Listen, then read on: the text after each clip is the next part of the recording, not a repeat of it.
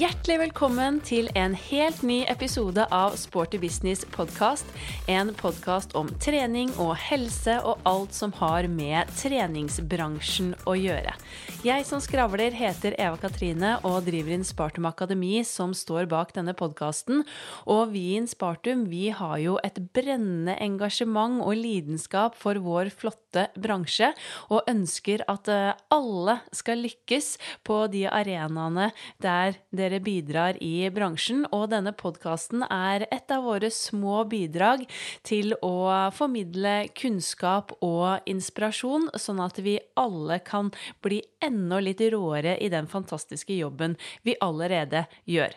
For det er jo sånn at det er ikke alltid like lett for oss å møtes på de store arenaene som ofte foregår i eh, de større byene, som på conventioner, ulike events, seminarer og konferanser.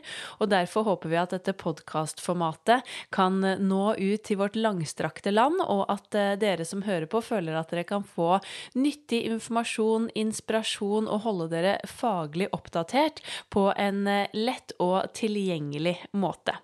Eh, og i dag så har jeg med meg en eh, utrolig spennende og dyktig gjest, nemlig Morten Hellevang, administrerende direktør i EVO. Og han er vel det jeg vil si en virkelig veteran i treningsbransjen, men også med en utrolig spennende og imponerende CV fra andre bransjer enn treningsbransjen. Så Morten har vi utrolig mye å lære av, og jeg gleder meg nå til å snakke med Morten om både prissetting i bransjen, hva som har gjort at eh, EVO har skilt seg ut og fått den suksessen de har fått hva han tenker skal til for å lykkes i markedet i dag, og med senterdrift. Og så diskuterer vi også selvfølgelig de utfordringene bransjen står i i dag, og hvilke drømmer vi har for vår flotte bransje i fremtiden. Så nå gleder jeg meg bare utrolig mye til en herlig bransjeprat, så det er bare å lene seg tilbake, eller kanskje løpe av gårde på tur, eller eh, gjøre det du måtte ønske mens du lytter på, og bare glede deg til en skikkelig fin eh, bransjeprat. Hjertelig velkommen til Sporty business eh, podkast, eh, Morten. Kjempehyggelig å få lov til å være på besøk hos dere i EVO. Og veldig hyggelig å ha på deg med i podden i dag. Takk skal du ha. Hyggelig å være med. Gleder meg veldig til en ordentlig fin bransjeprat. Jeg ser jo på deg som en sånn ordentlig veteran i bransjen, så nå gleder jeg meg til å snakke om både stort og smått. Og det er sikkert veldig mange av lytterne våre som kjenner til deg også, men det er alltid hyggelig med en liten sånn introduksjon av hvem er du? Ja. Ja, um, jeg er jo da utdannet siviløkonom så har ikke noe treningsfaglig bakgrunn. Har jobbet stort sett i bedrifter som enten har vært nystartet, eller eh, som har vært i en omstillingsprosess. Så jeg har jobbet med mye forskjellig. Jeg var mm. med i Netcom, mobiltelefon, helt ja. i starten. Eh, og så har jeg jobbet med å kjøpe bakeribedrifter rundt omkring i landet. Mm. Jeg har vært tilbake igjen i sånn Telekom IT. Jeg har vært uh, i Diplomis i tre år. Ja. Solgt iskrem. Og nå har jeg også jobbet i oljeservice med datasystemer til oljevirksomheten. Så det har vært veldig mye forskjellig, men det har egentlig ikke hatt noen ting med trening å gjøre. Nei. Så min inngang i treningsbransjen var egentlig helt tilfeldig. Um, jeg skulle egentlig bare gjøre et banking case, mm. et business case, sammen med gründerne av EVO. Og det var i 2010. Eh, og så har jeg bare blitt i bransjen ja. etterpå. Ikke sant? Det er mange av oss som bare ramler litt sånn tilfeldig inn i denne bransjen, og så blir man værende. Så du har vært med i EVO helt fra starten? Ja, jeg har vært med i EVO siden ja, Det var vel akkurat åpnet de tre første sentrene når jeg kom inn. Mm. Eh, så jeg har vært med helt fra begynnelsen av. Ja. Både på opp- og nedtur. Ja, ikke sant. Mm. Og jeg regner jo med at du eh, setter pris på å trives i denne bransjen, siden du tross alt har blitt her nå i veldig mange år. Men hva tenker du er det beste med jobben din i EVO, og også det å være en del av treningsbransjen? Ja, treningsbransjen er en veldig spesiell bransje. Den er faktisk, eh, nå har jeg vært innom veldig mange bransjer, og den er helt, eh, helt spesiell. Kanskje mest når det gjelder engasjement. og de menneskene som er her, som er ekstremt eh, entusiastiske og veldig opptatt av det de driver med, mm. det, er, det, er, veldig spesielt for denne bransjen. Og så er det en bransje som er sånn gründerpreget. Sant? Det er fortsatt en bransje der det er mulig å starte opp uten ja. at liksom eh, det koster for mye, eller det er fortsatt muligheter. Eh, sånn at du møter veldig mye spennende gründere her. Og så kan det liksom for veldig mange synes å være en veldig sånn enkel bransje å drive, men det er en ekstremt komplisert business når du først er inni den og mm. vet eh, hvor store utfordringene er, og hvor vanskelig det er å få lønnsomhet i det greiene her. Ja. Um, så det er ekstremt spennende. Men det engasjementet og, og, og, den gleden som er i bransjen, den er veldig spesiell. Ja, ja det nevner samtlige som også er med i denne podkasten. Det er det engasjementet og lidenskapen som finnes i treningsbransjen. Og det er jo derfor jeg tror så mange av oss blir veldig glad i denne bransjen. Og så er det jo kanskje gang, noen ganger at lidenskap og engasjement tar over for alt annet. Og så er det som du sier egentlig en veldig krevende bransje og driftig. Men for deg som da har god erfaring fra en rekke andre bransjer. Hva tenker du er det viktigste vi kunne lært av andre bransjer i eh, treningsbransjen? Ja, det er Det kan være ganske mye forskjellig. Eh, jeg er jo da økonom av bakgrunn, ikke sant. Det har vært finansdirektør i en haug med år før jeg kom inn i denne bransjen. Mm. Så litt sånn økonomiforståelse, det, det kan ofte være lønnsomt å trekke på for andre bransjer. For mm.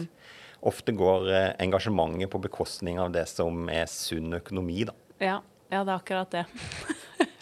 Jeg tror det er eh, mange som kan kjenne seg igjen i, og som du nevner det med at det er mange gründere og mange som har lyst til å starte opp nettopp fordi vi elsker trening og bevegelse, og så har man kanskje ikke den kompetansen på nettopp de områdene, og så er det det som man møter eh, og kanskje får litt Eller man møter veggen på, da, nettopp de utfordringene.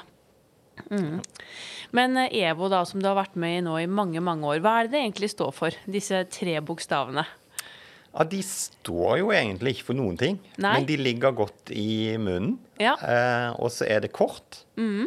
Eh, og så kan du leke litt uh, rundt det. sant? Altså, Vi har jo et, både et webmagasin og en podkast som vi da har kalt Evolution, mm. som liksom peker på utvikling og vekst. Ja. Og eh, i tillegg så gjorde de som vi samarbeida med i Europa, gjorde en, et annet morsomt konsept ut av det. Fordi de eh, snudde, bokst, snudde um, ordet på huet og satte ja. en M foran, og da ble det Move. Ja, ikke sant? Så de laget et konsept som het Evo Move, som var liksom en slags treningsfilosofi. da. Mm. Så du kan leke litt med det. Men, ja. men selve ordet Evo betyr egentlig ingenting annet enn Evo. Nei. Og det, bokstavene kommer ikke fra noe, eller kommer tanken fra evolution i starten, eller er det tilfelle? Ja, det var litt sånn evolution-tanker helt i starten, mm. men, eh, men, det endte opp med de tre bokstavene. Ja. Hvordan, eller Hvilken visjon hadde EVO når det først startet? Det var jo tre gründere som startet uh, EVO. Det var en, en finne som heter Peter Byman. Og så mm. var det Bård Vindingstad, som da var også grunnlegger av Elixia mm. en gang i tiden. Og Kim Jorsjø, som da kom fra Sats. Eh, og det som egentlig var deres kongstanke, da, det, det var det at ma, hvis man løfter ut alt som er hassle på et treningssenter, og barberer det ned mm. til å beholde det som alltid vil finnes på et treningssenter, som er styrketrening, kondisjonstrening og trening med personlig trener, så kan man bygge et konsept som er eller som krever ganske mye mindre areal mm. enn det et normalt treningssenter den gangen gjorde. Og så vet man at ca. 70% av beslutningen på hvor man skal begynne å trene, det er hvor det ligger hen. Det er mm. beliggenhet. Sant? Og helst nær der du bor. Og Hvis du da kan bygge treningssenter som er liksom 400-600 kvm store, så kan du ta helt andre lokaler og posisjonere det helt annerledes mm. enn det eh, bransjen ellers kunne. Og veldig mye nærmere der folk bor eller der folk jobber. Mm. I tillegg så blir driften veldig mye enklere. ikke sant? Fordi at eh, du slipper å håndtere store folkemengder som kommer samtidig. Så du får en mye enklere logistikk. Du får et, mye, et helt annet kostnadsbilde. Og så har jo vi en spesiell PT-modell i tillegg, som gjør at du får veldig mye lavere personalkost. Og så gjorde de en annen ting som var veldig bevisst, og det var at de laget sitt egen tekniske dataløsning. Ja. Sånn at vi har vår egen, eh, vårt eget datasystem som vi har bygget, eh, som støtter opp om vårt konsept, og Mhm. egentlig er spisset på bare det. Ja, skjønner. Ja, for EVO er jo et, en av de treningskjedene vil jeg si også som virkelig har klart å få fotfeste, og som har vært gode på markedsføring. For veldig mange ganger når jeg snakker med andre i bransjen, eller også eh, mennesker som ikke jobber i bransjen, så er det ofte at EVO kommer opp når man nevner eh, kjeder eller sentre som man har kjennskap til. Så jeg tenker at dere har jo gjort veldig mye riktig i EVO i lang tid. Og hva vil du si er unikt med eh, EVO? Hva er det som gjør at dere skiller dere ut og har lykkes? Ja, altså det som, jeg, jeg vet ikke om vi liksom, Hvis du går inn på et EVO-senter, så er det ikke liksom så veldig mye spesielt der. altså Det er tredemøller, apparater og personlige trenere og sånt. Men det er liksom helheten i konseptet som, som er litt sånn spesielt. Ja. Um, og det som er litt sånn udefinerbart. Du kan kalle det litt sånn look and feel, kanskje. Og jeg tror at en av de tingene som har bidratt til at EVO har blitt det har blitt, det er det at det er en del folk involvert som ikke har så tung treningsfaglig bakgrunn. Fordi at eh, for meg, som ikke eh, har aldri vært veldig god på å trene, eh, er ikke opptatt av maskinparken som sådan, men er veldig opptatt av hvilken feeling du får når du kommer inn.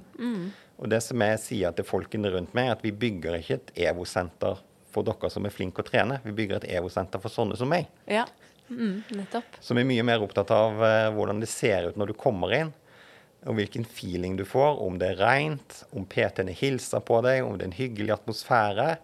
Og så vet jeg liksom at tredemøllen den kommer mest sannsynlig til å funke. Og går mye fortere enn det jeg kommer til å løpe. Og maskinene, eh, sant, de er ja. tunge nok.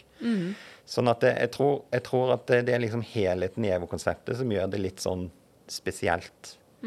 Også at vi har tord å, å vokse, da. Enten det har gått bra eller dårlig. Så vi har hatt veldig gode eiere med oss hele veien. Ja, det tror jeg er veldig smart det du sier, nettopp det å lage et eh, senter for eh, ja, ikke alle oss som allerede jobber i bransjen og syns at trening er fantastisk gøy, og som du sier, få med folk på laget som ikke nødvendigvis har bare idrettsfaglig utdanning. For det er jo nettopp det det ofte skorter litt på rundt omkring. at man man kan veldig mye om trening, og så eh, er det mindre kunnskap på de andre områdene, som vi nevnte litt innledningsvis også. Eh, men hvor mange sentre har dere nå, da? Per i dag? Per i dag så har vi 59 senter. Fantastisk. Og så har vi ett i Kirkenes, som Ja. er et franchisesenter. Um, så det er nummer 60. Og så åpner vi vårt eget senter nummer 60 i juni i Stavanger. Ja. Og så kommer det flere senter på løpende bånd utover høsten. Spennende. Eh, Men eh, kvalitet, da. Profesjonalitet eller kvalitet i selve produktet dere eh, leverer. Hvordan definerer dere det? Ordet kvalitet er jo ganske subjektivt. Vi snakker jo ofte at det er viktig å levere høy kvalitet, men hvordan definerer dere det? Kvalitet sånn for oss, det er, det er flere ting. Men, men hvis du er ute på senteret, så er det at senteret er rent. Mm. at utstyret virker. Og at når ting går i stykker, at det blir reparert. Ja. Um, og det er jo en utfordring. Spesielt en utfordring når vi har 60 senter. For det er ikke så lett å ha kontroll over alt. Og så, ikke minst, så er det da det faglige rundt. Gode PT-er er ekstremt viktig for oss ute på sentrene. Og det jobber vi mye med. Um, og det er kanskje de viktigste ressursene vi har ute på senteret, er PT-ene. For det er de som skaper miljøet. Um, og så er det å ha en sånn basis av folk i administrasjonen som har treningsfaglig bakgrunn, og som kan det, sånn at vi hele tiden eh, ivaretar det, og også kan støtte PT-ene faglig. Mm. Det er viktig. Er det noen andre ting du tenker som dere har gjort eh, godt med tanke på den suksessen dere har hatt? Ja, da kommer du veldig fort inn på, på hvordan vi markedsfører, da. Sant? Eh, og at vi har vært veldig tydelige på å lage et konsept som skal være likt fra gang til gang, sånn at du hele tiden kan kopiere det du gjorde sist. Ja. Sånn at vi har jo en, en bygningsmal og en designmanual som er ekstremt detaljert, og som vi har jobbet veldig mye med, også sammen med interiørarkitekt.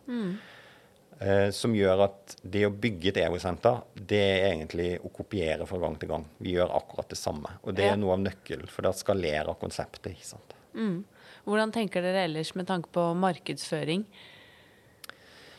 Ja, det er det jo mange som mener noe om måten EVO markedsfører seg på, så det kan vi jo snakke litt om etterpå, kanskje. Men altså det, det vi har vært veldig bevisst på hele tiden, det er å bygge, eh, bygge noen verdier inn Vi har prøvd å bygge noen verdier inn i EVO-brandet hele tiden. sant? Altså Vi har vært veldig tydelige på antidoping veldig tidlig. Eh, Vi har frontet kroppspress, både på gutter og jenter, veldig tidlig.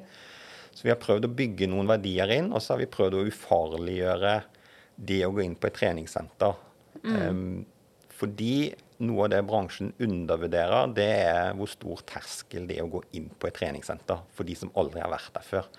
Så vi har hele tiden prøvd å ufarliggjøre det da, med å gjøre sentrene litt sånn innbydende eh, og ufarlig å komme inn på. Ja. Ja, Når du er inne på det med markedsføring, så tenkte jeg også at jeg måtte ja, grave litt i akkurat det. Og så syns jeg jo det var eh, litt gøy og spennende den eh, kampanjen som dere har hatt, og muligens kanskje er pågående, med eh, sjokoladen New Energy. Hvor det til og med på da pakken til sjokoladen eh, er reklame for eh, EVO. For å få folk eh, inn på sentrene. Kanskje en litt sånn eh, hva skal jeg si, kontroversiell eh, markedsføring med tanke på at det er trening og sjokolade kombinert. Hva var tanken rundt den kampanjen, og hvilken respons har dere fått? Altså, for oss så er den kampanjen først og fremst for å gjøre merkevaren kjent. Det var det som var vårt mål med kampanjen. Og så var det jo sånn at det var Orkla som kom til oss og spurte om vi kunne tenke oss å være med på en relansering av New Energy. Ja. Sånn at vi har ikke betalt noe for den kampanjen. De har båret kostnadene på den. Og da er det for oss liksom Da er det en no-brainer å være med. ja. Fordi vi så på det som en merkevare så får EVO-navnet kjent. Og det er en av de tingene som vi er veldig bevisste på, som vi måler hele tiden. Det er merkevarekjennskap. For det lå en nøkkel til å få salg og nye medlemmer. Og så kan du si liksom sjokolade og trening. Ja, altså folk som trener, spiser sjokolade. Eh, og det er egentlig ikke så mye verre å være på en sjokolade enn å selge kosttilskudd på senteret, som også er veldig kontroversielt. Eh, Iallfall deler av det. Um, så, så for oss var ikke det liksom noe veldig vanskelig beslutning å ta. Nei. Og responsen har vært veldig god.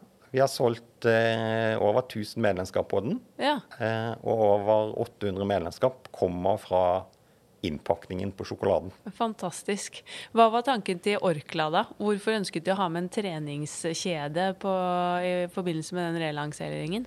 Det var nok veldig mye for oss å understreke at New Energy skal være en slags helsesjokolade. da. Ja. Det sunneste du skal du spise sjokolade, så er New Energy det beste du kan gjøre. Men hvilken respons har dere fått fra hva skal jeg si, treningsfolk eller treningsbransjen på den kampanjen, da? Vi har fått en god del kjeft. Ja, dere har det? Ja, det har vi gjort. Men, men, eh, men det tar vi med godt humør. Ja.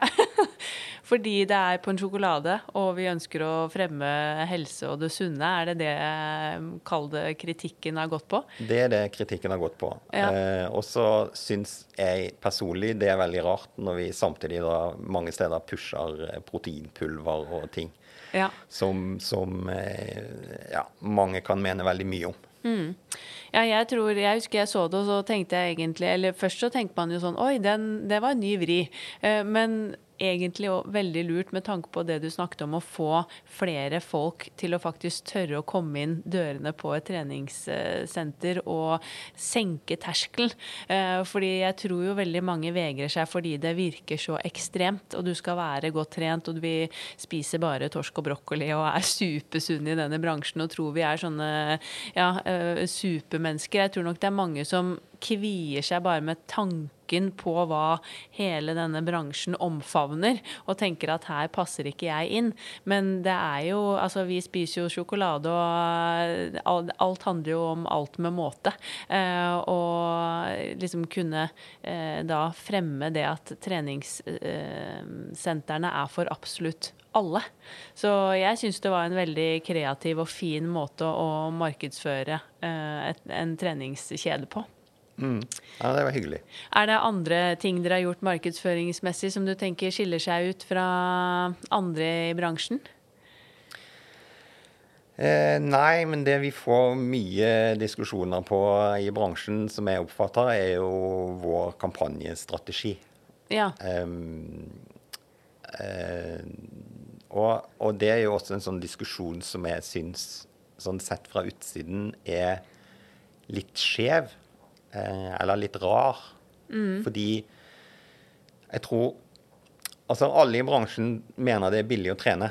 Og reelt sett, hvis du ser på økonomien i Norge, så er det billig å trene. Og mest sannsynlig er det for billig å trene. Mm. Men, men, det bransjen ofte glemmer, det er det at for forbrukeren som ikke er medlem på et treningssenter, så er det ikke et alternativ hvilken treningssenterkjede du skal velge, men det er om du skal trene på et treningssenter. Mm. Det er det som er liksom alternativet til, til, de som ikke bruker et treningssenter i dag. Ja.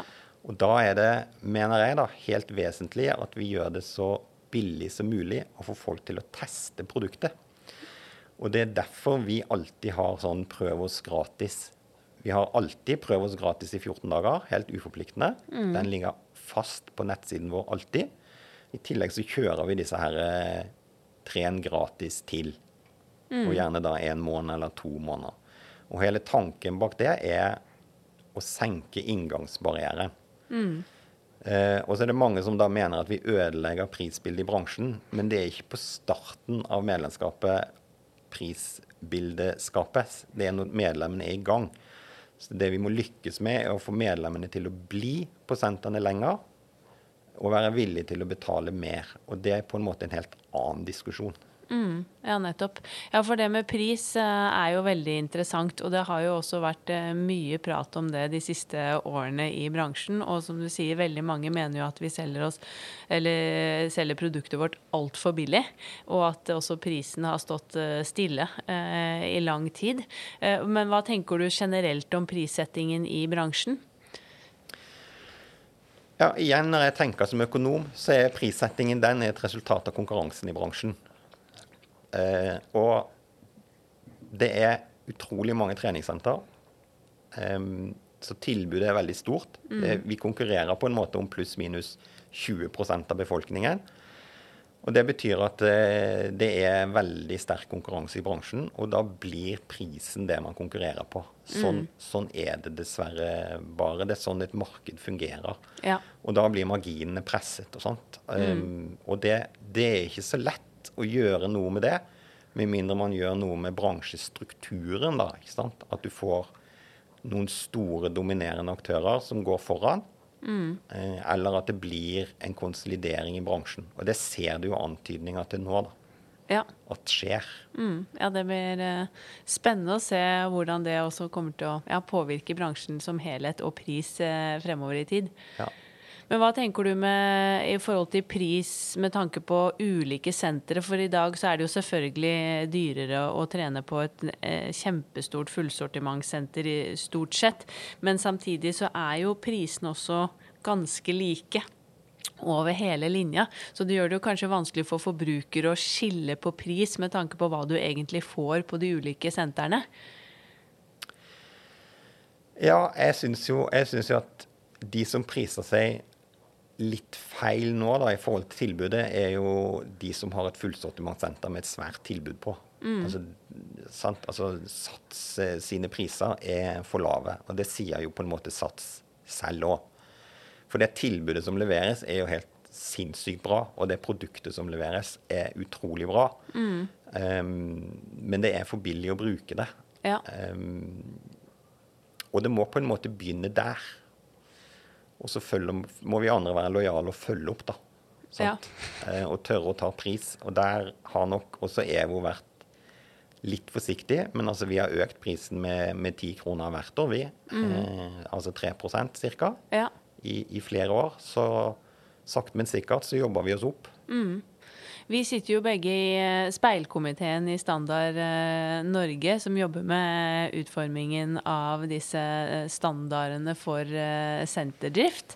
Den europeiske standarden for senterdrift kom jo først på plass i 2020, og nå er den under revisjon. Og så kommer det en del to som skal omhandle mer personell og aktører på senteret. Og der har vi jo også snakket uh, mye om pris i en del uh, diskusjoner rundt bordet. Og så har vi snakket om dette med da differensiering, at det kanskje burde vært lettere for folk å skjønne hva de får, for hva de betaler. men hele håpet med da denne europeiske standarden for senterdrift og er jo at flere sentre i Norge skal begynne å sertifisere seg etter denne standarden og få et kall det klistremerke og sertifikat på at de er et eh, standardisert eh, senter etter europeisk eh, da, standard. Og at det også på sikt kan være med på å kanskje gjøre noe med pris av de sentrene som faktisk har eh, tatt denne sertifiseringen, kan ta en høyere pris. Hva tenker du om denne europeiske standarden, og tror du vi får det til på sikt? Jeg tror at det er, det er, noe av det viktigste vi jobber med. Eh, og, og, noe som ligger dessverre litt sånn utenfor eh, bransjens sånn interessefelt. Mm. Eh, for det, det, er ganske tungt å dra i gang sånne prosesser. For det er ikke det som liksom er Det er ikke det vi digger å drive med. Men, men igjen, for oss som kommer fra bransjer f.eks. innenfor næringsmiddel og sånn, så vet vi hvor viktig de tingene der er. Og jeg tror det er noe av det viktigste bransjen skal jobbe med. Og jeg tror det blir helt essensielt for at vi skal bli en folkehelseaktør. Mm. Så er det veldig viktig at vi har de tingene der på plass. Men det kommer til å ta tid, og så må noen av oss gå foran. Um, EVO er allerede sertifisert på nivå 1 og 2, mm. og skal i gang med nivå 3 og 4 om ikke så lenge. Og så må, må, vi få noen erfaringer som vi kan dele med andre, sånn at vi liksom klarer å bygge ned liksom barrieren for hvor mye jobb dette egentlig er. For jeg tror det blir viktig. Og så hadde det jo vært morsomt om vi fikk til en sånn slags smilefjesordning, da. Ja. Eller et eller annet. Sant? Sånn at du Jeg syns smilefjes på restaurantene er, sånn godt, eh, det er et sånn godt eh, eksempel på hvordan du kan få det til, da. Ikke mm. sant? Altså får du en strekmunn, ja. så er ikke alt på stell. Og hvis vi hadde fått noe av det lignende på et treningssenter, så hadde det vært eh, morsomt. Ja. Men det kommer til å ta tid igjen, fordi at eh, det skal jo ut i befolkningen også hva det betyr. Mm.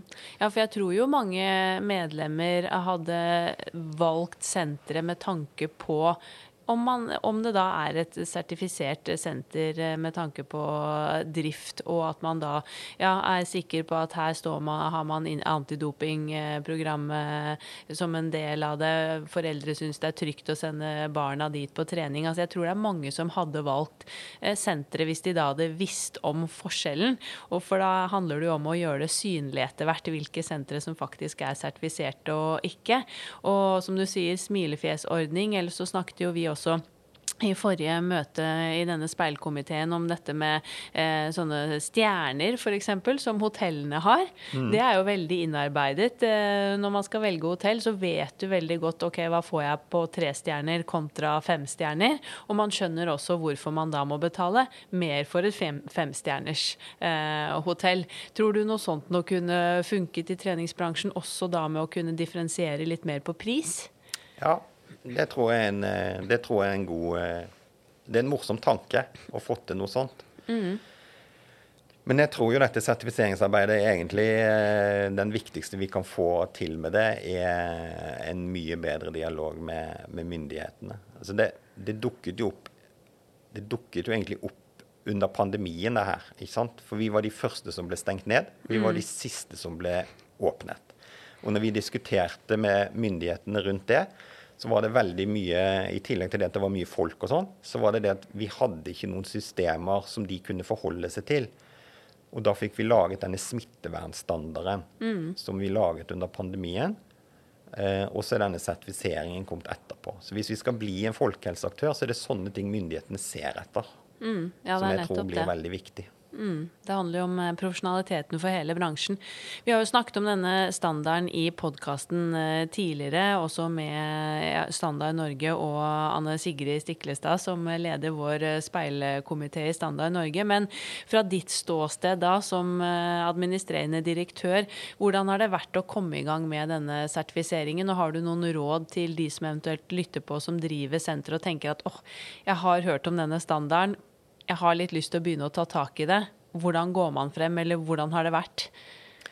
Ja, det må jo vi som jobber i den gruppen også prøve å hjelpe til med, da. ikke sant? Men, men poenget er at den, den sertifiseringen steg én og to er kjempeenkel hvis du har noenlunde kontroll på hva du driver med på senteret ditt. Så det å logge seg inn på eh, Europe Active, registrere seg på FitCert mm. eh, og gå i gang med stage one og two, som det heter, det klarer alle. Og så er steg tre og fire litt tyngre. Men det er det noen store aktører som går i gang med nå. Og så får vi noen erfaringer på det som vi får dele med resten.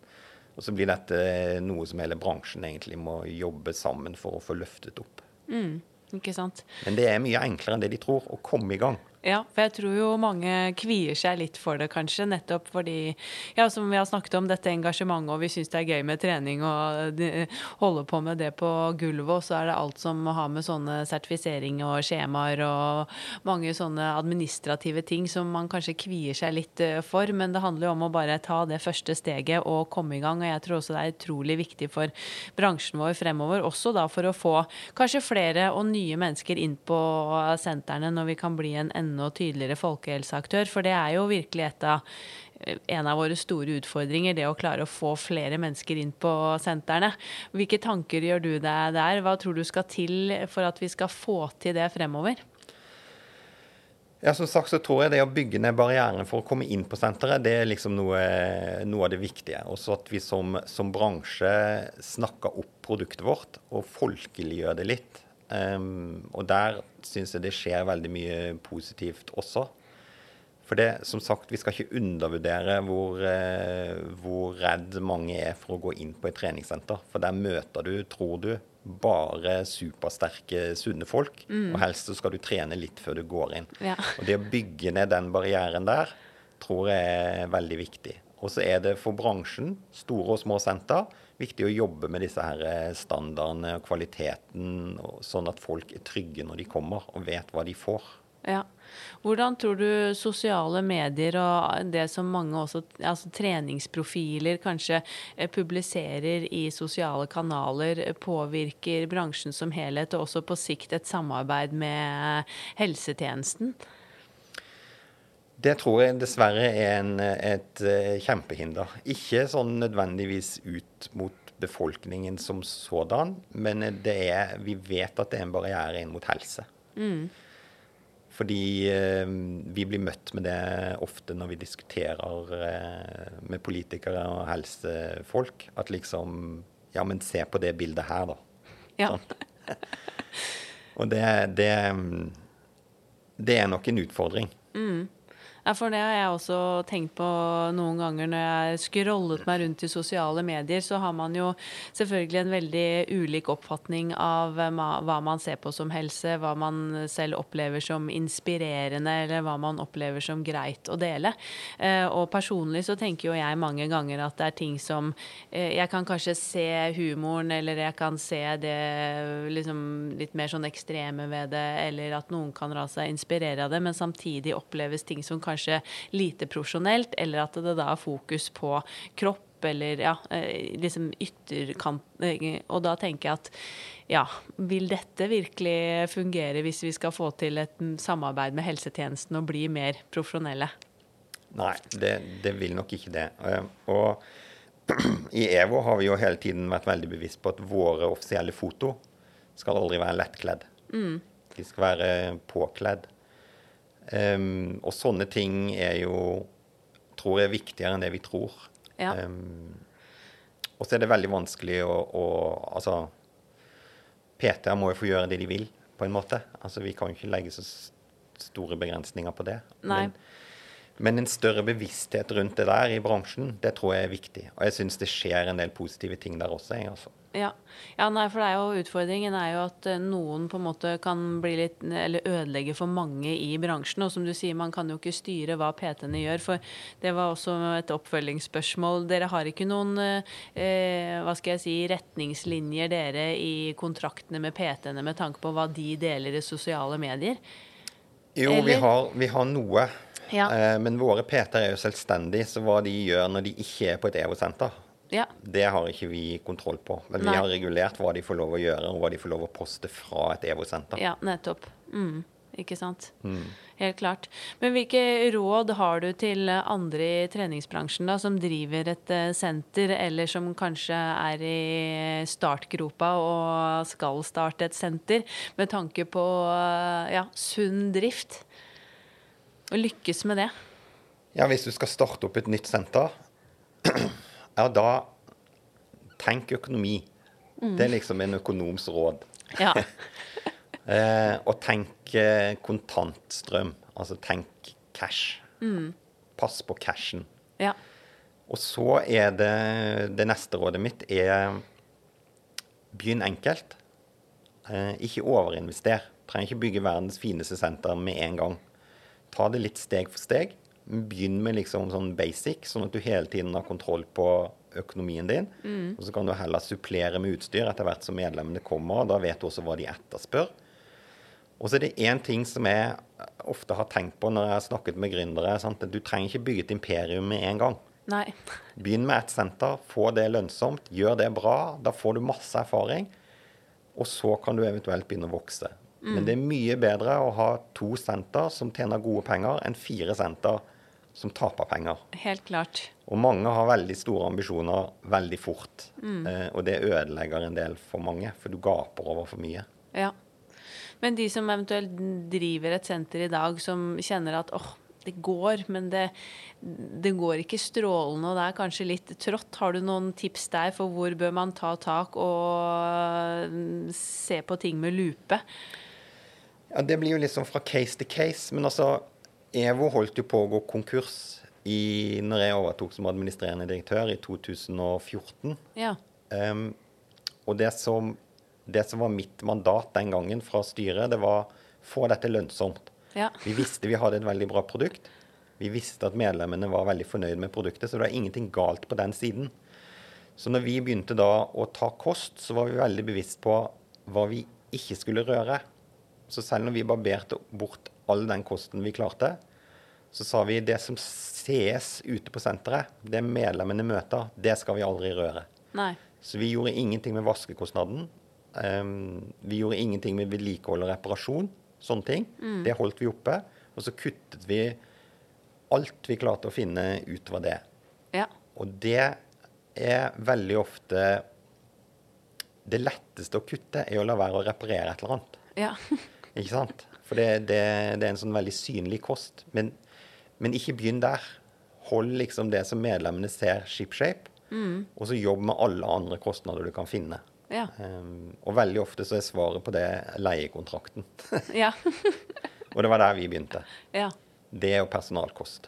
Mm. Det var det vi, det vi, tok. Og da var det personalkost på hovedkontor og administrasjon. Gode tips.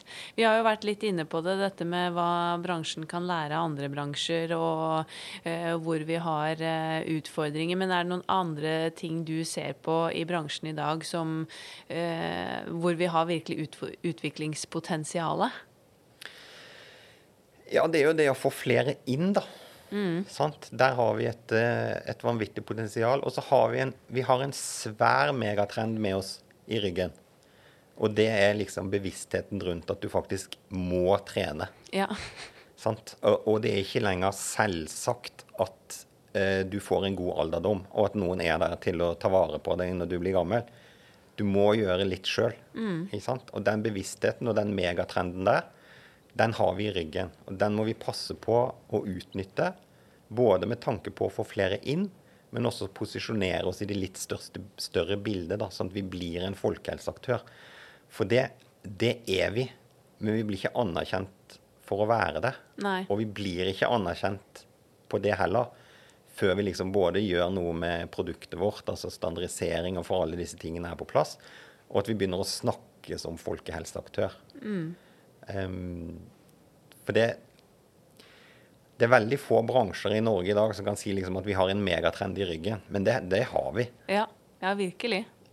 Men tror du det handler mer om kommunikasjonen vår utad til forbruker, og det vi da formidler eh, i sosiale medier, alt den delen? Eller tror du også vi må tenke annerledes med hvordan vi bygger designersentre for å få folk inn? For noen ganger så tenker jeg jo at vi gjør jo veldig mye av det samme, og så forventer vi noe annet. Vi ønsker hele tiden å få flere inn, men det er jo fortsatt, kall det i gåsetegn, de samme freshe, store, hippe sentrene som åpner. Tror du vi trenger noe helt annet, eller handler det mer om kommunikasjonen vår? Jeg tror det handler veldig mye om kommunikasjon. Jeg. For det, det finnes så mange sinnssykt kule konsepter der ute. Eh, og folk åpner jo sant, eh, nisjekonsepter og store konsepter og alt mulig. Mm. Det tror jeg jeg tror, det, det, tror jeg bransjen fikser helt fint. Ja. Um, og det å gjøre det morsomt å være på et treningssenter, selv om det egentlig er jo ganske kjedelig, og iallfall å trene styrke. Ja. Men, men, er du flink på gruppetrening og gjøre de tingene gøye og følge med på trender og sånne ting, så, så, så, klarer vi å løse den delen av det. Mm. Det gjør vi. Ja. Så du tror ikke senteren i seg selv er skremmende sånn som det er i dag? Jo, for mange. Spesielt de store, tror jeg. Ja. Um, det er jo derfor vi liksom prøver å gjøre EVO-senteret litt sånn mer ufarlig. da. Ja. Mm. Hvor viktig tror du det blir med mer utdanning av de som skal jobbe i bransjen fremover? Ja, Det er jo det andre vi møter når vi snakker med, med offentlige myndigheter og sånn. da. Det er jo, sant, altså dette, Disse tre ukene på Bali mm. Av en eller annen grunn så henger de fortsatt med. Ja. Mens nå stiller jo alle krav til ettårig utdanning. Mm. Eh, og PT-utdanningene oppgraderer seg, og det, dette blir jo bedre. Mm. Men, men øke kompetansen er, er viktig. Ja. Ja, det er jo PT-ene har jo virkelig Der har vi jo virkelig fått et løft eh, gjennom flere år nå.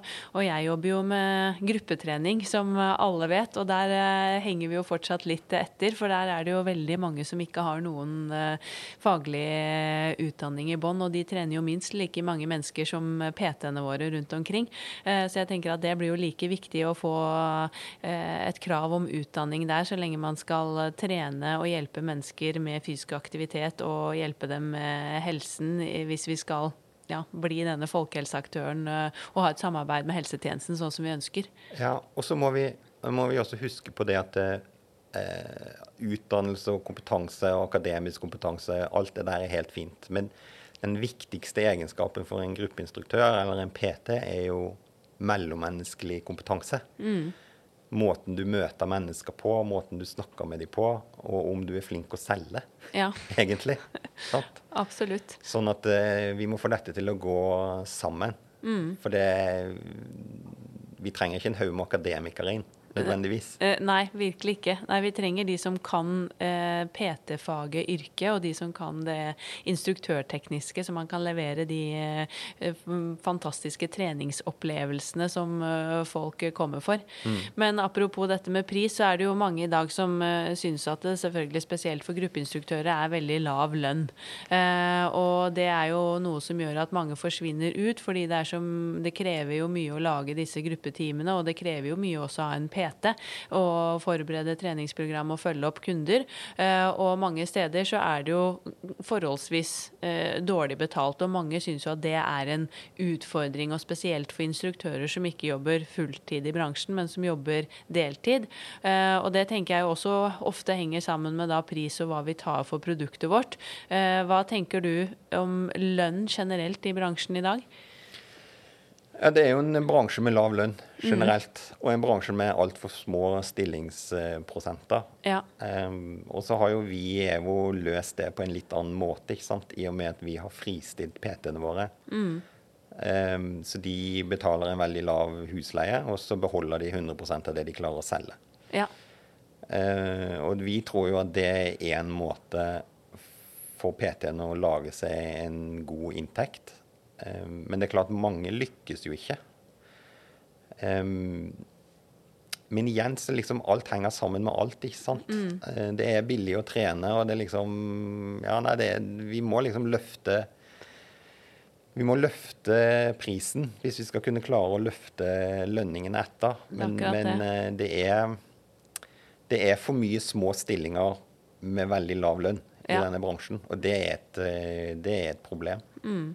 Ja, og denne endringen er jo ikke gjort over natten, akkurat. Så det kommer jo til å ta tid, men jeg håper jo virkelig at vi kan få til både ja, mer profesjonalitet og dette med sertifisering og standardisering, at det kan komme på banen og være med å løfte hele bransjen eh, på sikt. Ja.